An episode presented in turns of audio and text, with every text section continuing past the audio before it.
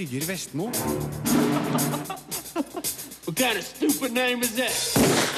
Tom Cruise vokter en ødelagt jordklode i Oblivion. Zombie forelsker seg i middagen i Warm Bodies. James Franco er skikkelig gangster i Spring Breakers, og vi skal ned i islandske farvann i filmen Dypet. Disse premierene anmeldes i dagens Filmpoliti, hvor vi òg får besøk av den unge regissøren Ivar Aase, aktuell med lavbudsjettfilmen Blåtur. Vi møter regissør Tommy Wirkola under innspillinga av de første scenene fra Død snø 2, og skuespiller Jan Erik Madsen forteller om sin rolle i David S. Goyers nye TV-serie Da Vincis Demons. Filmpolitiet. Day 1644, Tower 49, this is Mission Control. How y'all doing this lovely morning? This is Jack Harper. I'm good to go. Regissør Joseph Kosinskis oppfølger til Tron Legacy har vært etterlengta, i hvert fall av meg. Oblivion viser at han stadig tenker i store filmatiske baner. Det visuelle er mildt sagt imponerende, M83s musikk likeså. Historien inneholder en del logiske brister som trekker ned opplevelsen, men ellers er Oblivion en nydelig filma science fiction-historie som har evnen til å underholde og overraske. Og Tom Cruise viser også her at han har en stayerevne som svært få andre Hollywood-stjerner har. 60 years ago, Earth was attacked. We won the war, but lost the planet. Året er 2077, og menneskeheten har overvunnet en rominvasjon. Men jorda er ødelagt, og menneskene er på vei til en annen planet via den enorme romstasjonen Tett. Jack Harper, spilt av Tom Cruise, vokter gigantiske vannkraftverk som utvandringa er avhengig av. De angripes og saboteres nemlig av overlevende fiender. Harper kommer i nærkontakt med disse fiendene og oppdager noe som ikke stemmer. Jeg velger å ikke avsløre mer av historien, men må påpeke at ikke alt ved den virker like godt uttenkt. Det er elementer her som ikke helt stemmer overens med historiens kontekst. Det her er riktignok science fiction, men sjøl her må logikken stemme innafor sjangerens rammer. Det gjør den ikke bestandig. Jeg sitter igjen med noen spørsmål som jeg gjerne skulle hatt svar på. Sett bort fra historiens svakheter er det òg mye å sette pris på i Oblivion. Cruise er som vanlig 100% dedikert i rollen, og er et sjølsagt midtpunkt også når effektbruken tar av rundt han. Filmens kampsonda er en skremmende krysning av Hal fra 2001 og romsondaen fra Imperiet slår tilbake. Handlinga utspiller seg med en øde og delvis ørkenlagt verden som et effektivt bakteppe. Stormene raser og gjør Harpers base over skyene til et spektakulært, men troverdig sted. Jeg liker effektfull science fiction, og jeg liker Tom Cruise. Da er det kanskje ikke så rart at jeg med noen reservasjoner også liker Oblivion. Den plasserer seg i kjølvannet av Bear-filmer som 2001, Wally og til og med Independence Day. Og så har jeg en anelse av at Neil Blomkamps kommende Elysium tar lignende tematikk til større høyder. Men her og nå er Oblivion en over gjennomsnittlig god science fiction-opplevelse.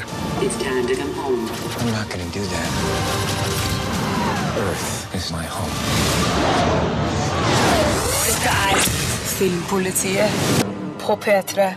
I dag har den norske independent-thrilleren Blåtur norgespremiere i flere byer, hovedsakelig på Vestlandet, mens Oslo og Drammen må vente til 26. april.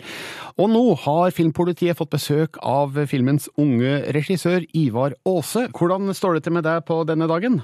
Bare velstand. Vi hadde første visning av Blåtur i går i Sandnes, og så står det hovedpremiere i Bergen for tur nå i, i kveld. Men premierenerver, det har du vel? Ja, jeg eh, kjenner hadde jeg jo en nerverunde i går, og så er det nye nå i forkant av premiere to, da.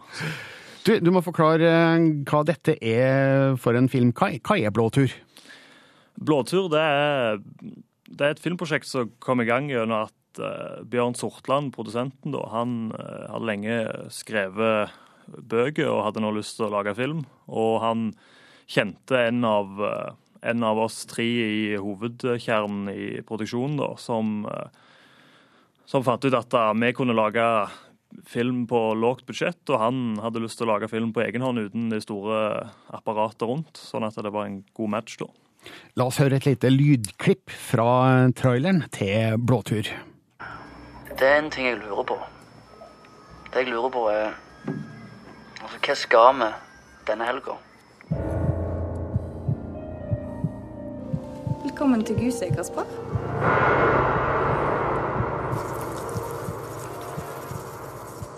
Ja, vi møtte altså et eh, kjærestepar som eh, drar til et sted som heter Gusøy. Hva skjer der, Ivar? Ute på Gusøy så har eh, Silje da, hun har eh, bestilt en event av et eventbyrå. eh, Der hun tar med seg kjæresten ut for å teste ut han litt. Og Der møter de på Eva, som er guiden der ute, da, som tar de med ut i, i gangene på det nedlagte sinnssykehuset. da. Og så utvikler seg litt derifra. Folk eh, vet ikke helt hvem som har kontroll etter hvert. Og jeg så filmen i går kveld, eh, og jeg legger merke til at eh, dialogen refererer til The Shining, Ondskapens hotell, og du har også et eh, spesielt rom i filmen, rom 237, som er et veldig kjent rom i grøssersammenheng. Ja, det var, vi fant ut det må, altså i, Inne i bygget der da, så er der eh, alle etasjene helt like, bare litt ulike farger. Så på akkurat den scenen der så fant jeg ut at nei, her er det god, god mulighet for å slenge inn en, eh, en referanse. da. Så da sprang jeg opp en etasje og tok eh, 237-skiltet. For det er i det landskapet denne filmen ligger, altså noe à la The Shining? Ja, jeg vil vel si han er, han er kanskje litt mer eh, rar og ja. Er, altså, det er jo en thriller, men samtidig så er den litt annerledes enn galehus-thrillere flest. da. Så vi spiller jo kanskje litt på, på litt, eh, litt rar humor og en del raritet inn i, i filmen. da. Dette er, som jeg sa innledningsvis, en såkalt independent eh, thriller. Altså, dere har ikke et eh, stort produksjonsselskap og distributør i ryggen. Hvordan, hvordan er filmen laga rent praktisk? Han er egentlig laga med en hel haug med folk som har vært eh, utrolig ivrige. Og jeg som regissør og Andreas uh, Eide på fotograf og Janne Wiig som produsent har vi har jobbet, eh, jobbet gratis da. Og det har jo gjort at, eh, at vi har holdt kostnadene så langt nede som mulig da, og brukt penger på, på andre ting. Sånn at vi har, vi har klart å holde både eh, bildene og lyden og alt på, på høyt nivå. Og ja, vi bodde jo ute på Dale der eh, hele innspillingen. Dale er location da i sykehuset der. Så da eh, sparte vi litt eh, transportkostnader og logistikkostnader og sånn noe med å bare springe fra rom til rom og rigge, rigge inne på en location. Altså, dette er lavbudsjettfilm laga med mye entusiasme og pågangsmot. Ja da, det vil jeg si. Det var, det var god stemning ute i de dystre lokalene på Dale. Vi har fremdeles eh, med oss eh, regissør Ivar Aase, som er 21 år gammel, og dermed må du vel være eh, kanskje den yngste som har fått en film ut på kino i, i en viss distribusjon? Ja, jeg har fått inntrykk av det, ja. Ja. Du, når starta du med, med å interessere deg for film? Eh, Det starta når jeg var liten, da, og foreldrene mine kjøpte inn et uh, lite DV-kamera. Så begynte jeg å eksperimentere litt med det og lage litt uh, hagefilmer. og Godt inspirert av uh, Halloween-serien så lagde jeg uh, en av mine første filmer med tittel The Killer, som da endte i en trilogi. Det, det her høres ut som en veldig typisk start på en filmskaperkarriere. Altså Steven Spielberg gjorde det samme med 8 mm-kamera. Hvordan har du jobba videre for å liksom lage mer film? Jeg har eh, holdt på med, med venner og etter hvert folk som, som jeg gikk på skole med på videregående, og vi, vi ble en gjeng som, som likte å, å holde på. Og nå er det flere av, av de som fortsatt er, med, og vi, vi har lagt, eh, bare lagd veldig mye mer eller mindre seriøse prosjekter opp igjennom, som har gjort at eh, vi har fått erfaring og det som trengtes for å kunne gjøre blåtur. da. Hva slags type filmer er det som interesserer deg mest? Jeg har en ganske vid filmsmak, egentlig. Eh, Jeg, eh, jeg setter veldig godt pris på, på David Lynch sine filmer. Eh, Det er jo litt rare greier, og det kanskje det gjenspeiles litt i, i blåtur, da. Ellers så da jeg var yngre, så var jo var kanskje Tarantino som åpna øynene mine litt for når jeg var veldig liten og så Pulp Fiction første gang uten å være i nærheten av aldersgrensa på den. Så da ble jeg inspirert at dette her var noe jeg hadde lyst til å holde på med. da. Ja, Det høres ut som eh, svært solide inspirasjonskilder, Ivar Aase. Men eh, nå da, nå har du da fått laga din, din første kinofilm, eh, altså 'Blåtur'. Nå skal den ut på kino på Vestlandet først, og så Oslo og Drammen om et par ukers tid. Og det er jo selvfølgelig det store fokuset ditt akkurat nå. Men og så da, har du tenkt videre fremover? Hvordan dette skal utvikle seg? Ja, jeg har egentlig ikke Jeg er litt sånn, tar, det, tar det litt så det kommer. Men eh, jeg håper jo på å kunne gå i gang med nye prosjekt så, så fort som mulig, egentlig. For jeg blir sånn med en gang jeg ikke har, Nå har jeg holdt på med blåtur i snart tre år, men eh, med en gang jeg ikke har noe å, å sette fingrene i, da, så begynner det å krible litt. Så jeg går nok i gang med et eller annet eh, så fort som mulig. Men eh, først altså, 'Blåtur' har premiere i dag. Hva, hva skjer i kveld? I kveld blir det premierefest og visning for eh, store deler av eh, crew og, og folk som har vært med og hjulpet til og fått, fått dette her i land. Da. Så da er det å vise filmen. Ja, i Bergen. Yes. Ja, Og så skal du over til, til Oslo 26. april. Ja, da kommer vi til en liten tur til, til Oslo og, og vise, vise fram filmen der. Jeg regner med at du har en spennende dag og et par spennende uker i vente, Ivar Aase. Lykke til med promo- promoteringa av Blåtur. Ja, tusen takk. Og takk for at du kom til Filmpolitiet. Vi snakkes igjen. Yes. Dette er P3. Warm Bodies er en av dagens premierefilmer på kino. Filmpolitiets Marte Hedenstad har sett den. What am I doing with my life? I just want to connect. Why can't I connect with people? All right, it's because I'm dead. Med kjærlighetens kraft kan zombier vekkes til live igjen. Det er prinsippet for Warm Bodies. Filmen handler om en zombie som forelsker seg i middagen. En postapokalyptisk Romeo og Julie-historie, med andre ord. How'd you die? How old are you? Because you could be 20 something, but you could also be a teenager. You know, you have one of those faces. Nicholas Holt, kjent fra About a Boy, spiller en zombie som strever med å holde på det lille han har igjen av menneskelighet. Det eneste han husker fra sitt tidligere liv, er at navnet hans begynte på R. Og R bruker dagene på å subbe rundt på flyplassen der han holder til, og gå på jakt etter fersk menneskehjerne. En dag ute på middagstokt kommer han og en gjeng med andre sultne zombier over Julie og vennene hennes som leter etter proviant og ressurser. Det er kjærlighet for første blikk for R, og etter å ha fortært hjernen til kjæresten hennes, beskytter han Julie mot resten av de kjøtthungrige vennene hans og tar henne med hjem til flyplassen. Et forhold utvikler seg mellom de to, og dette skal få konsekvenser for den livløse verdenen de befinner seg i. Kan kjærlighet få et råttent zombiehjerte til å banke igjen? I don't understand, but he's changing, and he feels, and he's learning to be human again. For meg vil zombier alltid være hjernedøde monstre som kun lever for å spise folk. Og derfor sleit jeg veldig med å godta prinsippet for denne filmen. Tross det merkelige utgangspunktet for rollefiguren hans, har jeg likevel sansen for Nicholas Holt. Det kan ikke være lett å være sjarmerende som en zombie, men Holt får det altså til. Og sammen med Teresa Palmer, som spiller Julie, og Annelie Tipton, som spiller venninnen hennes Nora, klarer han etter hvert å få meg til å trekke på smilebåndet. Say something human. Nailed it. Det de morsomme øyeblikkene Warm Bodies er på sitt beste. Da er den vittig, søt og sjarmerende. Men når budskapet om at kjærligheten overvinner alt, blir for sterkt, faller jeg av. Jeg hadde hatt lettere for å godta filmen om den hadde befunnet seg i en annen sjanger. Hadde dette f.eks. vært en parodifilm på linje med Shaun of the Dead, så hadde jeg slukt zombiekjærligheten rått.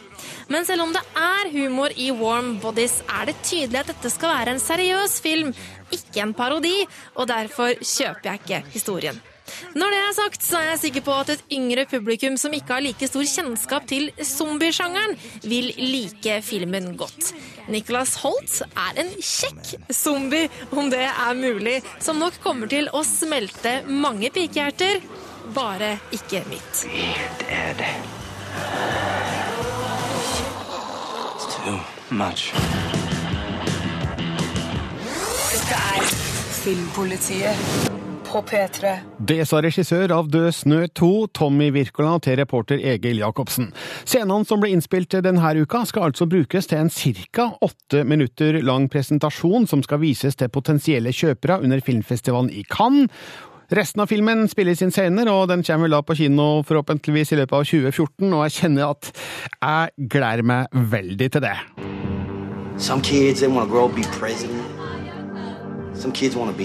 Doctor.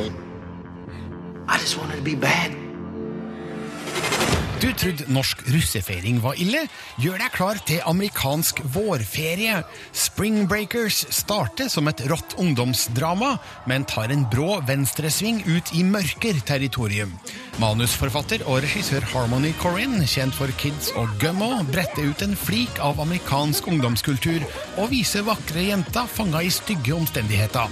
Det her er grov filmpoesi som dyrker dekadensen med sex, narkotika, penger og våpen. All I know is I'm not going to sit here another day. Spring break. How are we going to get enough money I don't in know. time? We're the only ones still here. Spring break. Tired. Fire venninner, spilt av Selena Gomez, Vanessa Hudgens, Ashley Benson og Rachel Corinne, drømmer om å dra på vårferie, eller spring break som det heter i USA. De vil vekk fra kjedsomhet og ensformighet. Med ukonvensjonell finansiering havner de i St. Pete's i Florida og setter i gang med vill festing, flørting og inntak av både alkohol og narkotika. Men så møter de den lokale gangsteren Alien, spilt av James Franco, og jentene ligner plutselig på vevre impalaer ved en dam full av sultne krokodiller. On?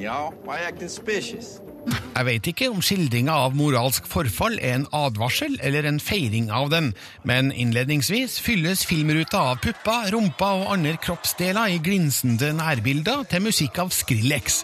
Hemninga fins ikke, og ungdommene fester som om morgendagen er avlyst.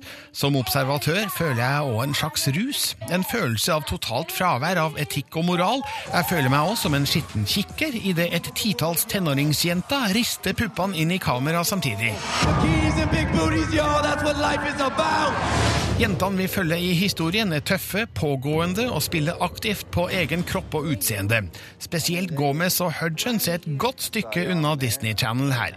Men tonen endres når Alien entrer bildet, glimrende spilt av en nærmest ugjenkjennelig James Franco med dreads, tatoveringer, sølvtenner og store solbriller.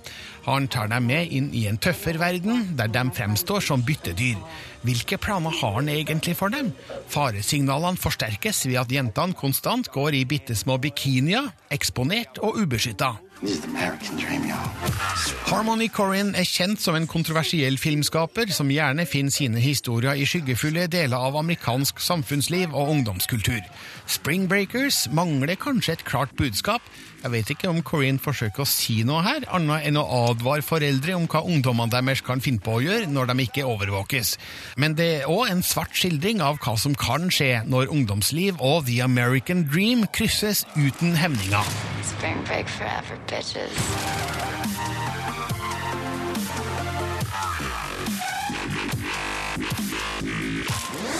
Er Filmpolitiet på P3. 14 år har gått siden eh, Nintendo-legenden Luigi hadde hovedrollen i spøkelsesspillet Luigi Mansion, som kom til den gamle konsollen GameCube. Nå er det duka for et eh, comeback.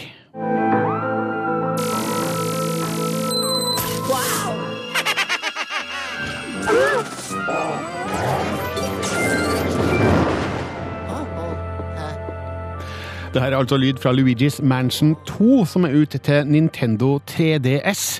Og det har du kost deg med i det siste, Rune Håkonsen? Det har jeg absolutt. Et uh, veldig godt spill, altså. Luigi er, det er et velkomment gjensyn på Nintendo-konsollen, altså. Men hvorfor har det tatt 14 år å lage denne oppfølgeren? Vet du hva, Det er et utrolig godt spørsmål. Jeg vet ikke hva sjefene i Nintendo helt har tenkt. for dette altså både det første spillet som kom for 14 år siden, det var knallbra, og jeg har venta og venta og venta på dette spillet. Luigi's Mansion 2 det innfrir på nesten alle måter. Det er spennende, det er skummelt, det er morsomt, det er enkelt, og ikke minst det er også litt sånn barnevennlig på toppen av det hele. Noe for alle og enhver.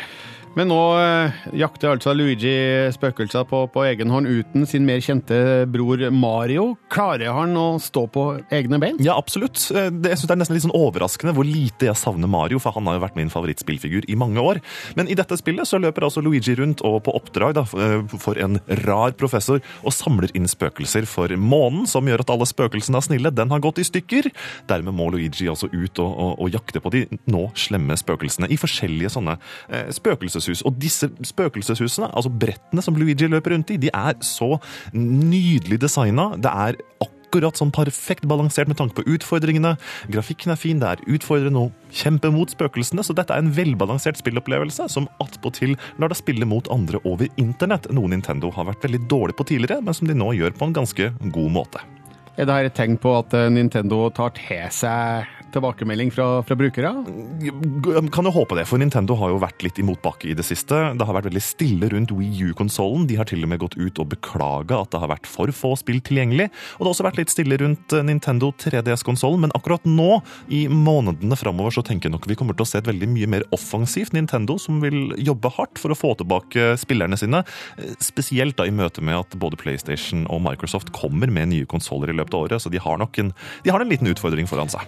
Og det er åpenbart en god start da, med Luigi's Mansion 2. Det er rett og slett et av de aller beste spillene til Nintendo 3DS-konsollen. Men det er ærlig talt er noe forskjell på Luigi og Mario, bortsett fra fargen på skjorta? Knapt. Knapt. De gjør vel stort sett mye av det samme. Takk skal du ha, Rune Håkonsen. Luigi's Mansion 2 er altså nå ut på Nintendo 3DS. I dag er det amerikansk premiere på den nye TV-serien Da Vincis Demons. Den har norsk premiere på Fox Crime allerede på mandag. Dette er den nye serien til David S. Goyer, mannen som blant annet har skrevet manuset til Christopher Nolans Batman-trilogi, og det er derfor knytta store forventninger til serien, som handler om Leonardo da Vinci som ung. Good evening, gentlemen. Perhaps you've heard of me. I am an artist, an inventor, and an engineer.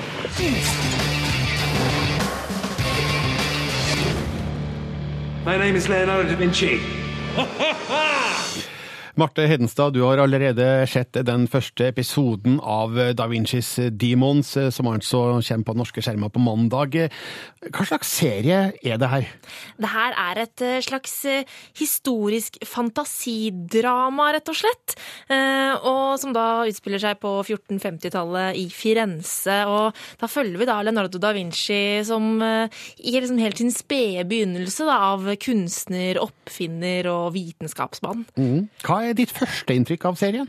Førsteinntrykket mitt er eh, egentlig ganske bra. Det er litt sånn spennende denne, denne greia med at eh, da Vinci prøver å på en måte bryte litt ut av eh, disse strenge normene og reglene som kirken har. da.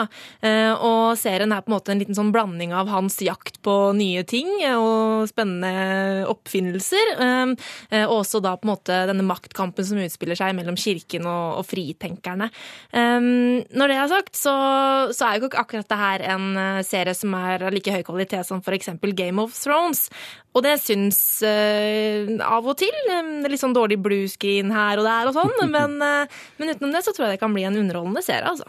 Den episoden du har sett, uh, altså Ser du hvor mye som er fakta og fiksjon her når det gjelder Leonardo, Leonardo da Vinci? Ja, altså, man vet jo veldig lite om de tidlige livet til Leonardo da Vinci, og jeg tror nok at David S. Goyer har tatt seg ganske mye frihet her, og det er, en, det er et litt sånn der eventyrpreg over serien, så jeg tror nok det er ganske mye fantasi inne i bildet, og uh, Leonardo da Vinci fremstilles jo som en slags uh, eplekjekk kvinnebedårer, og det var han vel ikke akkurat, tror jeg. Og det er jo da altså en nordmann som har en liten rolle i serien, Marte? Ja, det stemmer det. Eh, Jan Erik Madsen.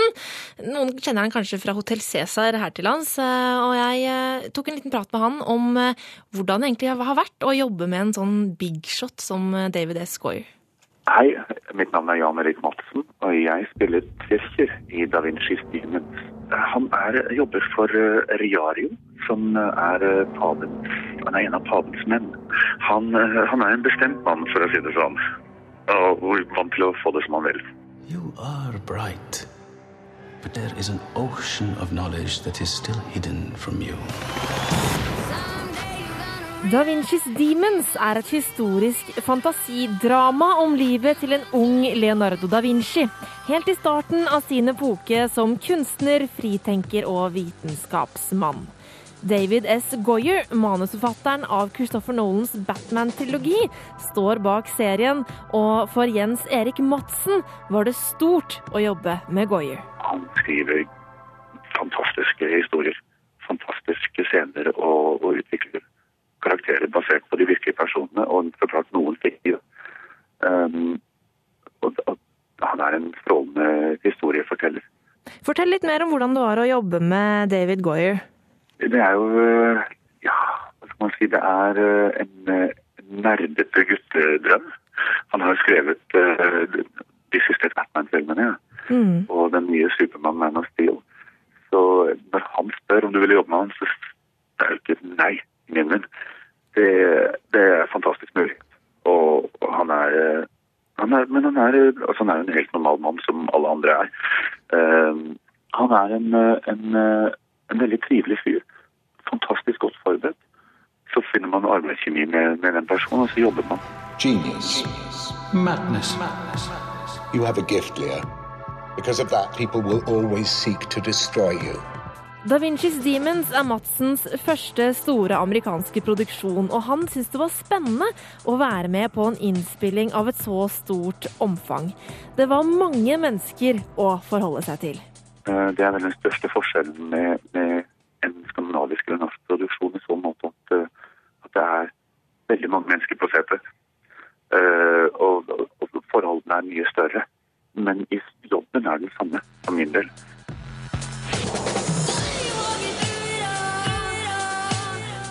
Handlingen i Da Vincis Demons foregår på 1450-tallet, og skuespillerne måtte se ut deretter.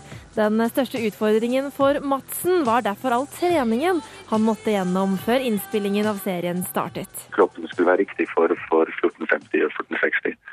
Eh, de så jo annerledes ut enn vi ser ut nå. Eh, samtidig som jeg fikk lære å og hadde drivetimer ridetimer i ukevis. Eh, jeg var ikke så høy i hatten den første timen jeg satte meg på hesteryggen, men heldigvis så, så, eh, så gikk det fint. De tok tre timer, så hadde jeg lært å galoppere. Kan du, kan du fortelle eh, hvordan du følte det da du kom deg opp på hesten første gang? Ja, det jeg har vel aldri følt meg så utrygg. Det har sin enkle grunn i at jeg ble på en hest da jeg var guttunge som tok satt så suste av gårde nedover et jorde og ut på en vei. Eh, Så jeg har vel unngått de hestene siden da, men nå måtte det til. og da jeg merker hva man gjør når man, eh, man, man må gjennom det for en jobb. Eh, Men jeg var ikke, jeg var ikke høy i hatten. altså Jeg tror de har tatt et bilde av meg. Treneren tok et bilde første, første dagen.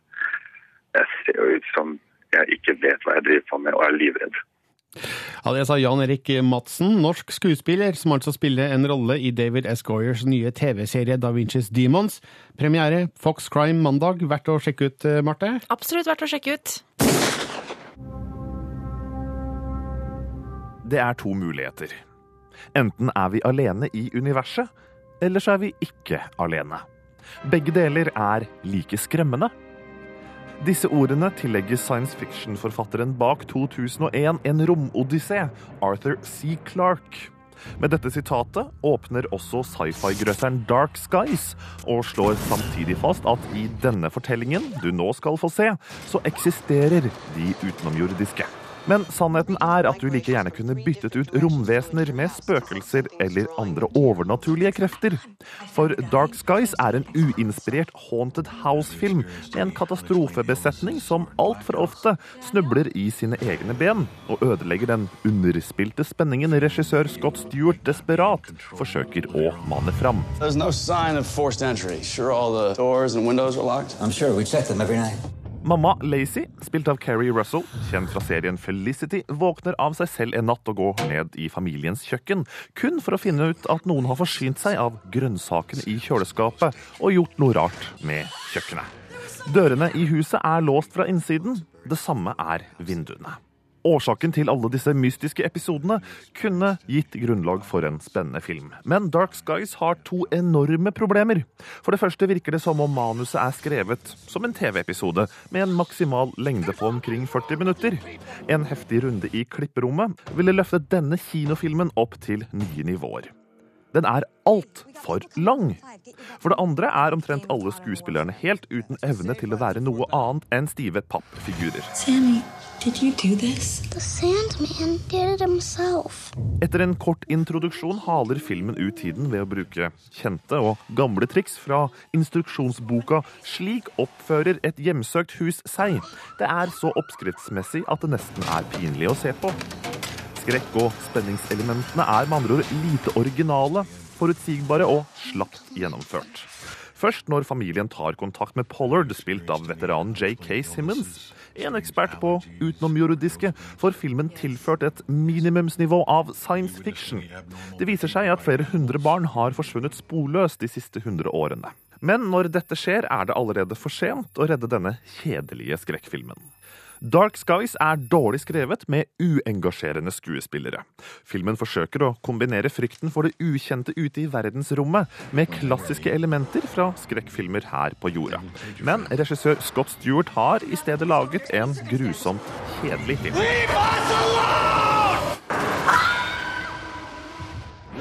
Dette er Filmpolitiet på P3. Den islandske filmen Dypet i regi av Balthazar Kormakur har norgespremiere i dag. Marte Hedenstad anmelder.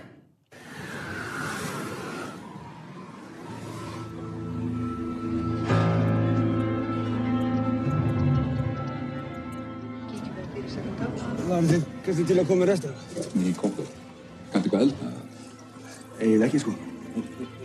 Den islandske filmen Dypet er basert på den sanne historien om en ung fisker som er den eneste overlevende etter et forlis i havet utenfor Vestmannsøyene sør for Island. I over seks timer kjempet Gudlaugur Aka Gulli for livet, og filmen forteller om hvordan Gulli på mirakuløst vis finner styrke til å overleve i det iskalde vannet. Hva var lengi í sjónum? Okkur klukkutíma, kannski sex. Sex klukkutíma. Ég er Dypet er en stillferdig film som reflekterer over hva som går gjennom et menneskets hode når man står ansikt til ansikt med døden. Likevel følte jeg meg ikke preget av det jeg hadde sett da filmen var over. Að horfa á ókindinu? Já. Og? Det er ikke fara út. Það er En real fyllefest på byen er åpningsscenen i dypet. Fiskerne på båten Breki sørger for å drikke seg fra sans og samling siden det er siste kvelden med fast grunn under beina på en stund. Dagen etter skal de grytidlig opp for å sette til havs. Og det er ikke en duggfrisk gjeng som tropper opp på fiskebåten dagen derpå, men de legger ut på sjøen likevel.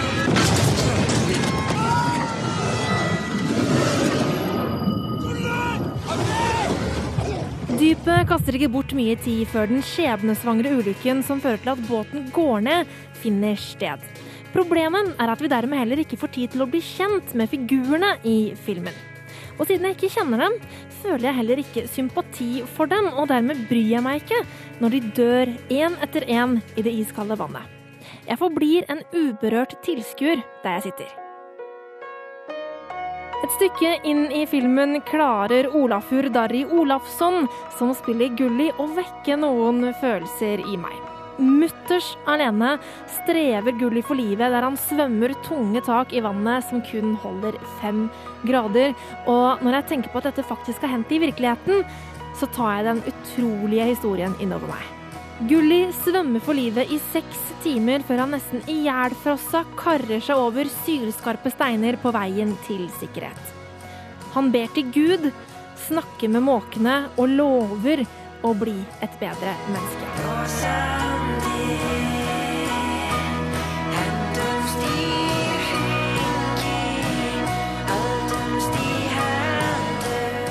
Dypet skriker ikke til deg for at du skal kjenne på Gullis lidelse.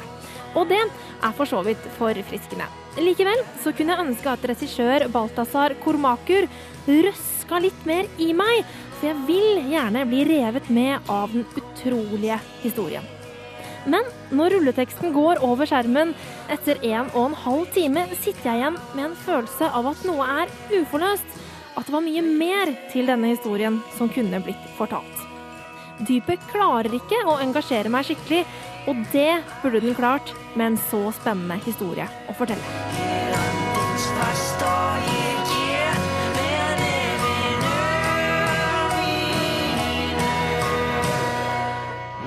Dette er Filmpolitiet på P3.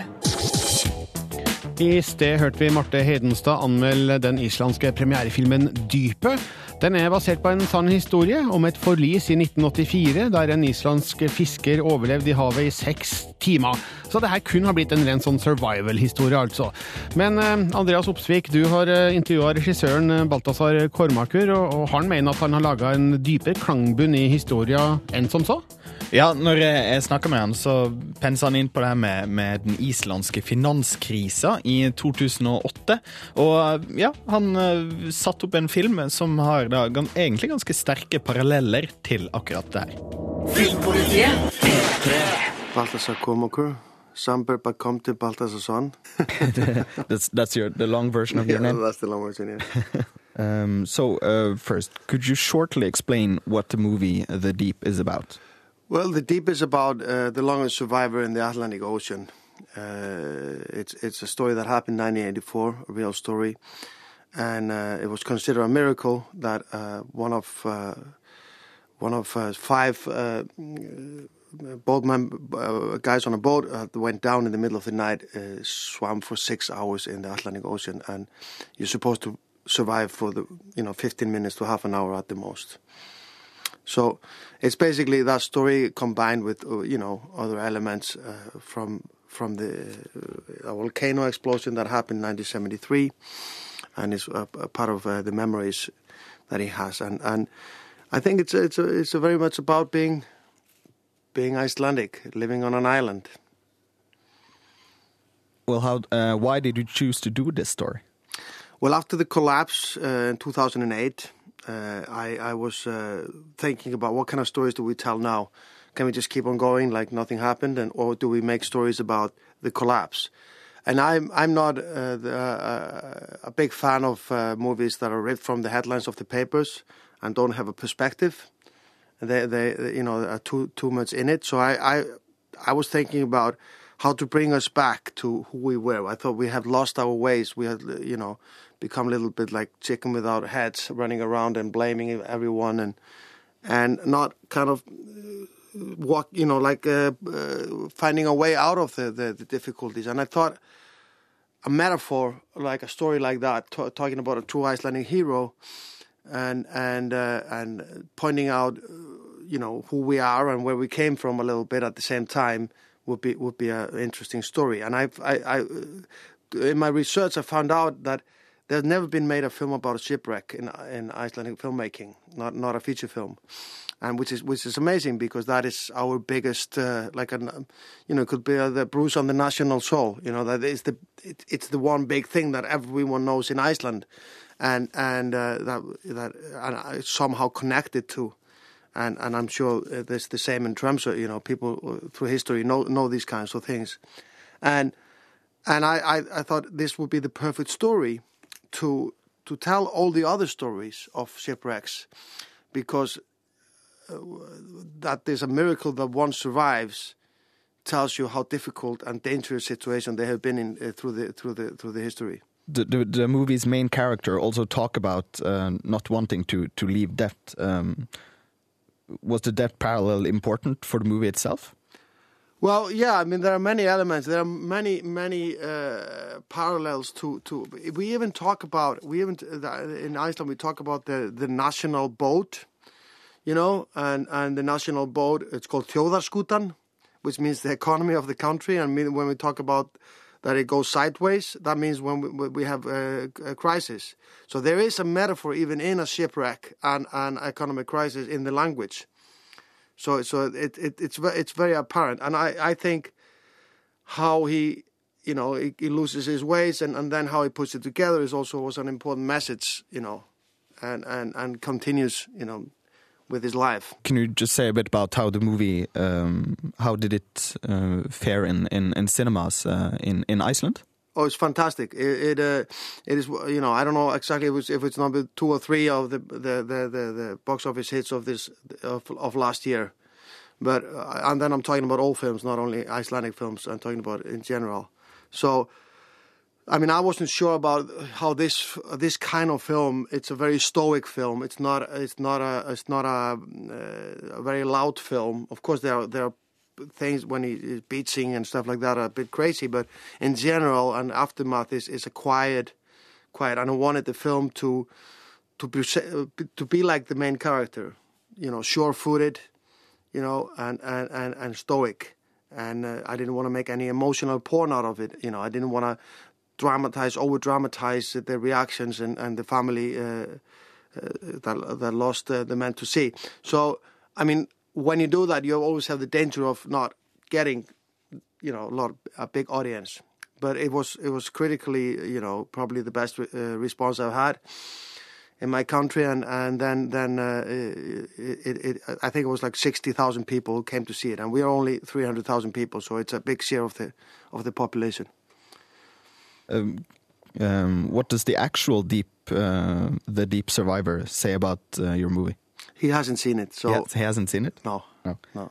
Is, is it uh, on purpose? if you understand. Oh, yeah, yeah. I think I think uh, he he uh, was uh, not not uh, necessarily into to making a film, but he has had been in a documentary that he played in about about the accident the year after it happened, and I think he felt there was a mistake that he had done that. I mean, that's just my my my me saying that and he's done a lot of interviews that have been pressured through the, through the years on him, and I think he has kind of withdrawn from from attention, and and is very uh, hesitant on, on, even giving giving interviews. So.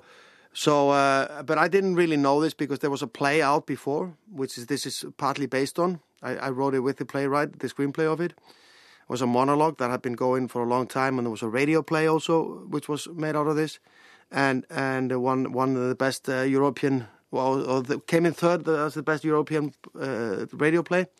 So, and then I, have never heard it. No, no one had ever heard any complaints about him. They had sent him the script, and he never responded, and but he never said he, he you know, didn't wanted it. So, so there was, but it kind of came out when I was started filming that he wasn't, you know, uh, wasn't interested in, in, in uh, uh, was a film made about it. But at the same time, I mean, this is Icelandic history you know, it's not it's not a personal affair. There were other people, men who died there, and I, I also spoke to their families who, who didn't have didn't uh, have anything against the film being made. And, and I they they came. I screened the film for seventy people who are all related to those to those four guys who went down. There are actually five in the film for a reason. I didn't want to. Uh, make it too much about. Uh, it was more like generally those guys, mm. and and and they that was an incredible uh, screening. It was cathartic to them. Uh, people coming up to me saying, you know, that, that they felt, you know, that finally they had a closure. An 80 year old man, you know, saying uh, that he'd been thinking about this for the last 24 years and now, now, you know, he has a closure and he feels peace. So, and they came out in the media saying, you know, that, that they were really happy that the film was made. So, it's it, it's always it's always a it's always a difficult thing when you when you're dealing with uh, real stories and history, but but I'm sure you have this in Norway too. But the right of an artist to to talk about his his times and, and real things is is uh, you know is, is full. I like a journalist is allowed to talk about this. An artist is allowed to talk about this. You just have to, you know, the names are changed and the board name is changed, and I did that, you know, on respect. But but uh, it's very clear who I'm, you know, the story is about. Well, um, we recent yeah. Uh, for me, it's like an Icelandic saga. It's like the the uh, you know it's it's a modern Icelandic saga, and I'm sure you know nobody asked the the heroes from the Icelandic sagas if they they wanted to make literature uh, about them. Mm, how did you um, consider uh, if you did changes uh, to the real people? Uh, did you um, fear that people would would react to them? Well, what I did because uh, they're, they're, they're basically the the reports of the, the, the when the ship went down uh, don't say anything about whose fault it is. There's there are uh, of course suggestions of what happened and why it happened. That's not that important. It's not it's not uh, like for me like uh, the, to blame anyone. It's more about the situation you're in, you know, and how how, hard it is. But uh, on purpose, I, that's why I had them five on the boat instead of four because I didn't want to be to to you know one of them as a drinker, for example. I'm not saying any of those guys were drinking. It's more like to present in general how crews are on those boats and where in those times, you know, and. And uh, and I I, I so I, I I pulled I didn't want necessarily to, to take the the the, the the the man who died at sea and copy them straight off. It wasn't about that. They were known. They were not known at all. So, so there was no reason for that. So it's more generally the sailors with him, and then the story, what happened is is uh, more very accurate. So, so there are, you know, you can you can see in the movie that, of course, if the captain would have let it go earlier, it, they might have, it might have not gone down. And I'm sure that some of the, the people who, or his relatives might might have a question about it, but never came out, you know. But I also, you know, when people ask me here, there's a, there was a there was a Norwegian book written about Björk recently that she didn't want at all to have any participation in, and you know, but this is the way. I have I've been a character in books, you know, that I didn't want to be in, but I, you know, this is the when you you can, you know, this is we are part of culture when we become known, you know, and and and that that's you know, eventually people have to be able to talk about it and write stories about it. I think I think it will always be controversial, but, um, but the best, best literature is made like that. You know, all Shakespeare is based on real characters. I'm sure not everyone. I'm sure Richard III wasn't happy with his with the way he wrote it, but that's that's that's that's uh, that's our literature history. A lot of films shoot these kind of scenes in in a pool or a tank, uh, but you chose to film it in the actual ocean. Yeah. Uh, could you tell me a bit about why? Well, when I, I for, for, example, when I looked at films like Titanic and, and all that, it, it, feels like when the ship is going down, it's going down in a pond, not in the ocean. And and they have all the money in the world to do this. So I, it is really hard to achieve real ocean uh, and, and, make it realistic, especially when you're talking about the North Atlantic Ocean, who is an angry sea. And and and uh, 80% of the Icelandic population lives around the ocean. And I think it's fine when you're making an adventure or very elevated story, you know Uh, that it's not to, to, to, be taken too seriously that you use those those elements and those visual effects if you have the money. But in this case, I wanted to make it as real as possible. Therefore, I didn't believe I could achieve that in a tank. I went to I checked out a couple of tanks around Europe, and and for me that was wasn't good enough. So so I, you know, I decided just to, let's just get in there and, and figure it out. And, and, and we were swimming with cameras and, and um, you know, being thrown, uh, you know, against cliffs and, and you know, spent some madness in, uh, for a month. And I think you can see it. It's probably, uh, you know, and the reaction I had, for example, in the States of the film is like uh, people haven't seen it done like this before, you know, not, not in this kind of uh, ocean. And, and I think big part of, of of what I'm happy with the film is how how real it is and, and how cold it feels and, and, and so it doesn't feel like you know that that that we're we're uh, in, in, it feels dangerous you know and it was by the way so. We sank a boat twice you know so I, mean, I was inside the boat when it went down and it was it was it, it was incredible experience and and and I think it's uh, you know, uh, Perfect Storm is another example of you see that it's digital and you don't feel it. And I never feel the real danger of when it's when you see too much digital work. Yeah, because you you use no computer graphics in no. movie. No, we cleaned up a couple of things. Of course, we had to use ropes to, to, to turn the boat over, but there were no. We didn't we didn't create the scenes with other green screens and and and uh, computer uh, images but there, there's some cleaning up, uh, you know, we had to do. You sank an actual ship, uh, an, uh, a fisher boat. Um, yeah. Could you tell a little about that? Yeah, I mean that was that was uh, total madness. We had to, you know, uh, find a place where we could do that, and and uh, and we had. To, I actually decided to stunt because I had a lot of experience, as you know, doing my own scenes when I was an actor. So I, I actually went into the boat with one of the actors when it happened, when it was turned over, and and there's one shot there that actually uh, was uh, was on a camera that was tied to the boat and went down with the boat, and that's when the water rushes in, and uh, we get thrown, you know, backwards, and and uh, it, it was it, uh, it was. I mean, you realize how powerful the ocean is and how little chance those men have when it happens. And I actually, I'm very happy that I, I had the chance to experience a little bit of that, you know, and feel it because I, you know I, I have a bigger understanding, you know, why people uh, are, you know, they can't really save themselves in this kind of situation. They are just, I mean, they have no uh, power, and and. Uh, and and that that when we when we brought the boat up and we when we, actually first we sent a diver down to get the camera. This was gold when we found this shot. You know, I thought the camera had gone. You know, with the boat. So we had to, then we had to get the boat up again, and there are special techni- technicians who do that.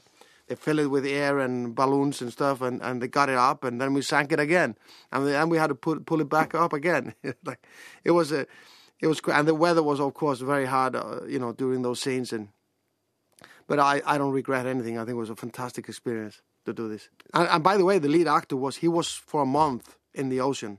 Yeah, I, I was just um, going to ask that. How, how did uh, Olafsson, your your lead role, react to situations like that? Well, it was made, made very clear to him. You know, he really wanted to play the role and say, you know, that there's going to be no whining. You, you know, we're gonna we're gonna do everything in our power to, to do this right and honor the the, the, the the guy who did this. You know, so if you have trouble, you know, dealing with it, you know, when you're there, just think about the the real guy. it will- it will feel very easy compared to that. So. So uh, you know, we of course we had our moments. It was it was there was one day specifically when he kind of broke down and he, he just he couldn't take it anymore. You know, that was in the cliffs, but he still got up and he finished it, and nobody got hurt. So, so uh, you know, it's it's probably one of the hardest jobs you can you can imagine. Yeah, uh, I was thinking about uh, the the scenes shot on the on the rocky shores. Uh, it, it it felt very dangerous. and it was. but I, I, I went there first myself. I did it my first because I've kind of had this uh, quota that I don't ask my actors to do something I wouldn't do myself, which I have to change because I'm getting older, you know. But but uh, but it, it, it, it, is quite dangerous, but it probably feels more dangerous than it is, at least to me, you know. Uh, oh, and this is all practically shot. The problem is we don't really have any stunt guys in Iceland. We have rescue teams, and they don't really put themselves in danger. They actually save people from danger. So, so, so we just had to do it ourselves. Considering the the shot where uh, you slowly uh, go upwards and you see how how um, lonely uh, Gulli or, or Olafsson yeah. is in the ocean. He was. I mean, we set put him on, and also when the boat is sailing by, he's way out in the ocean, you know, and we're on a little little uh, little boat, you know, away from him. He was he was where the guy, real guy, was at that time. The other one is shot closer to, a, I mean, closer to land than it looks. You know, it's with the lens and, and and the way we do the shot, but it's still he was he was far out. Oh, Yeah, yeah, he was far out the whole time. I mean, when he's waving to the boat, you know, he's he's he's just far out in the ocean. And and the, but the harder one when he's swimming around the cliffs, when he's he goes back out and swims around the cliff, that part, you know, uh, that felt really, you know, scary to me. But you know, like uh, it's it's ocean, you can swim there. You know, it's all right if you can swim. Um, you also have an, an upcoming project, uh, the uh, Everest, or, or a movie about uh, the Everest Yeah, uh, yeah. expeditions, uh, which is also about an extreme expedition uh, and, and another accident. How, how would you compare it to, to the deep? Eh, I mean, it is similar in genre. It is it's quite bigger in budget and and and uh, of course in distribution probably too, but but in, in some ways it it it has has kind of likeness. It doesn't have that aftermath that I really like in the deep, but it has more of a build up in the beginning. So. So, uh, it, but it it is it's it has that kind of tone. It's it's quite real, and and uh, it, it is not a heroic. Even though you can say the deep is in some way heroic, it's not. It is not like some out of out of this world heroic save or something like that. It's it's more the extreme conditions they are in, and, and it's it's it's it's a fantastic script, you know, and, and it's a very exciting project. Hopefully, I uh, you know we will start shooting it this year. Yeah, because you're you're filming or, or you're you're planning to film like the the Everest movie in in Iceland, part of it. as yeah, well, as, right? as much as possible, you know, and then rest on in Nepal and on Everest. But but uh, yes, I, I, I really I really want to be able to bring things and and and even two guns. The the visual effects have been done in Iceland, so. So uh, I think the, uh, probably the same as in Norway. We are, we are, have just as skilled people now in, in those fields. So I, I, there's no reason to do all this in in LA. I don't I don't think they're any better. You know. So so I believe that you can do films on the same level if you have the same money in in the in the Scandinavian countries. Yeah, and um, Christian Bale is is in the lead role. Uh, Well, we are in talks. We're in talks. Yeah, it hasn't been uh, it hasn't been confirmed yet, but he's obviously a great choice for, for, for a job like that. well, how how did he? How was he connected to the to the project? Well, I just uh, you know we I talked to his uh, agent and uh, and uh, they got the script and uh, I showed them the deep, you know, and he actually said if you can do it like you did the deep, you know, I'm very interested. You know, so that that the deep was really the the the, the movie that he, he got him excited about it. Great, thank you. Thank you. Det sa regissør Balthazar Kormaker om eh, innspillinga av Dypet og de eh, eh, utfordringene som møtte hovedrolleinnehaver Olafur Dari Olafsson. Filmpolitiet er straks over. Sjekk ut våre anmeldelser på p3.no slash filmpolitiet. Og så sier jeg Birge Vestmo, god helg, ha det! Du hører nå en podkast fra NRK P3. Hent flere podkaster fra NRK på nettsiden nrk.no podkast. NRK P3.